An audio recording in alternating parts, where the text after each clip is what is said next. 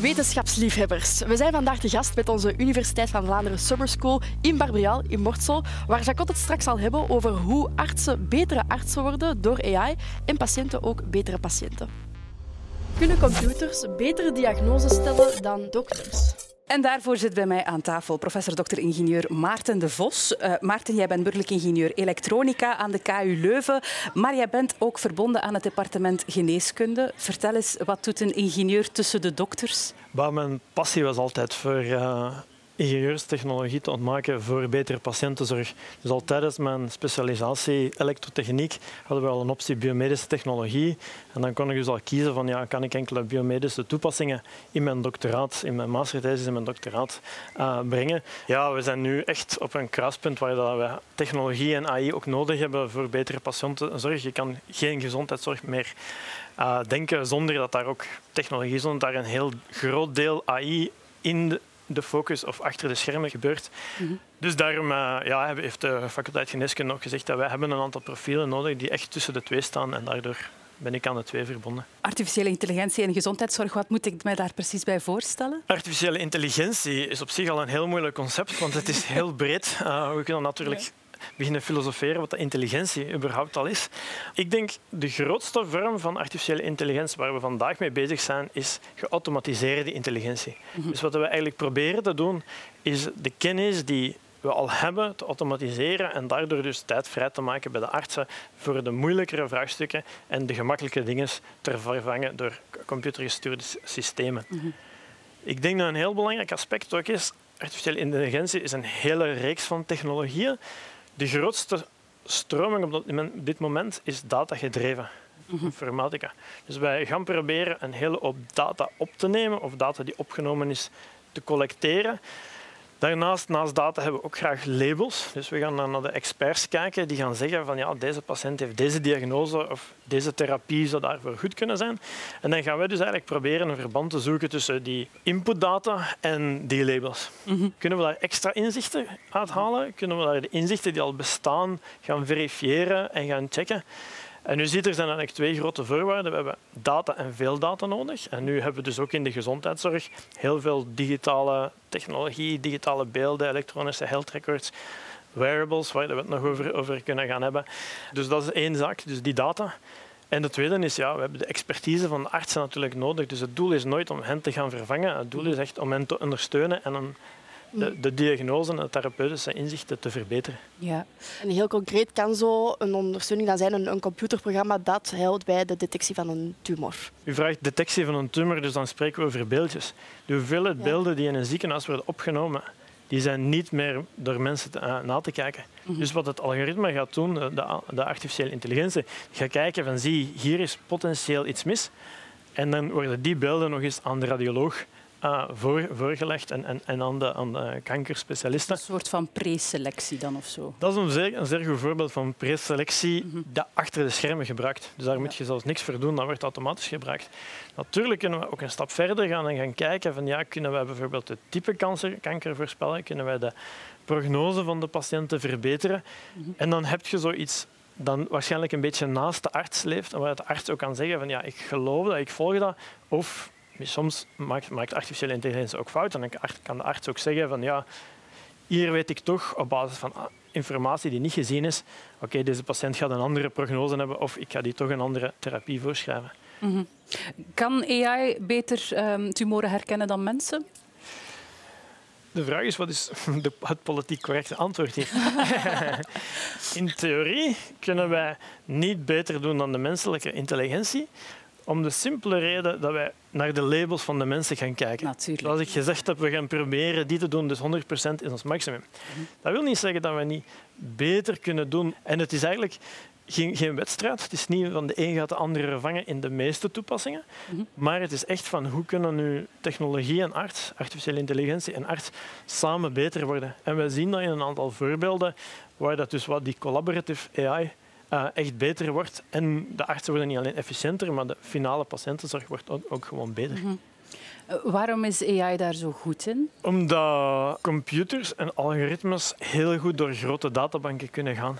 Mhm. En het is weer zo, wij als mens kunnen heel goed generaliseren. Dus we hebben een aantal voorbeelden en dan kunnen we een goede voorspelling en goede diagnose maken op basis van weinig informatie. En dan vullen wij de gaatjes wel in. Computers zijn niet zo goed daarin om op basis van enkele voorbeelden nu alles, alle kankerproblemen of alle geneeskundige problemen op te lossen. Maar als je heel veel data hebt, kunnen zij wel de patronen eruit halen en zij kunnen dan ook met nieuwe patronen opkomen die dan prospectief kunnen verder eh, onderzocht en gevalideerd worden. Ja.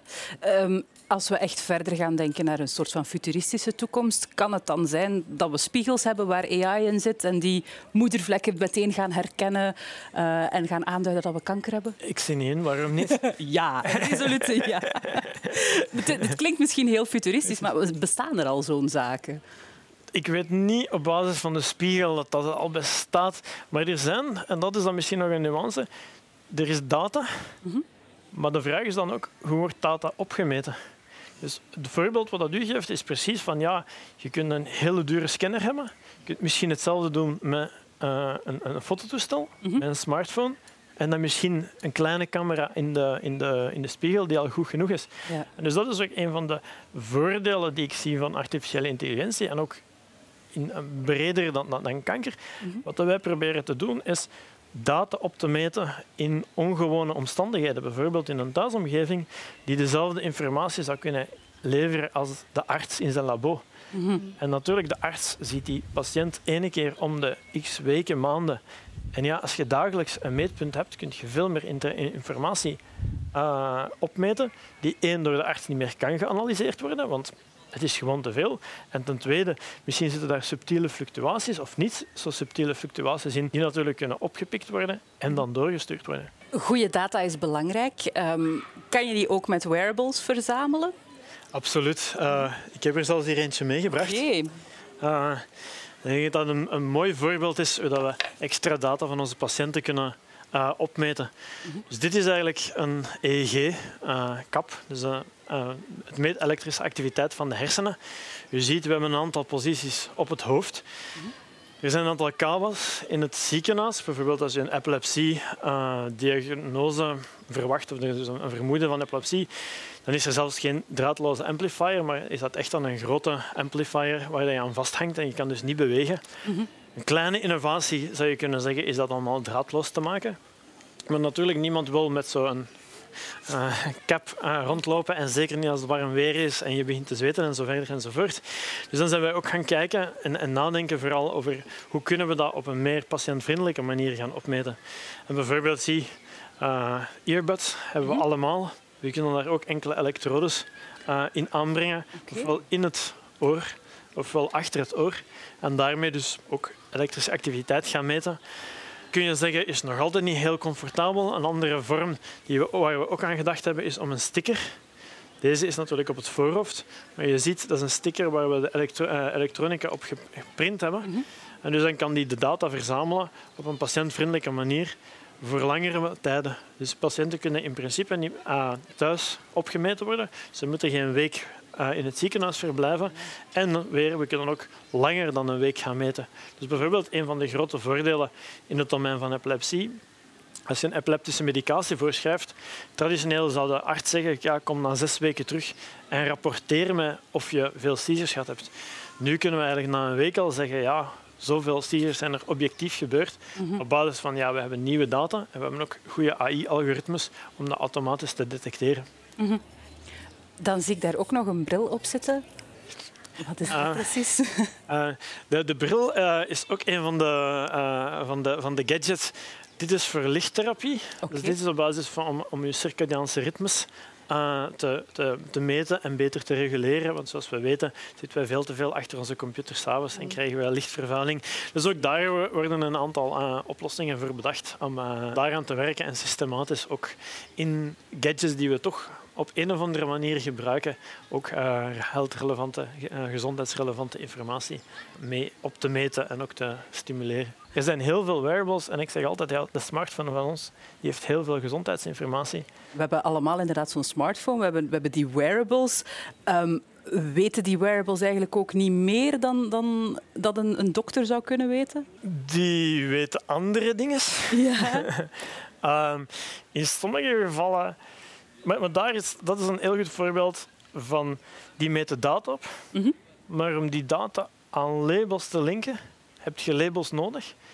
En de, en, en de Apples en de Googles die hebben meestal niet die labels, gelukkig. Dat labelen, wat is dat juist? Het voorbeeld dat je daarvoor gaf van, van een kankertumor, om dat te maken, je kunt dat ongesuperviseerd doen, maar dat werkt niet zo heel goed. Wat er eigenlijk gebeurt, is dat heel veel artsen alle tumoren nauwkeurig gaan aflijnen. En als je dan heel veel afgeleide voorbeelden hebt, ja, dan kan de computer proberen om dat na te doen.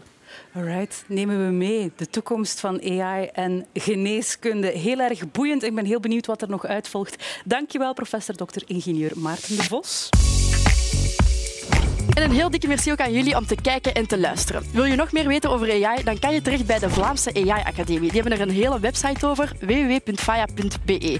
We hebben ook nog een playlist gemaakt vol met AI-video's, die kan je hier vinden. Heel veel plezier ermee. Ciao!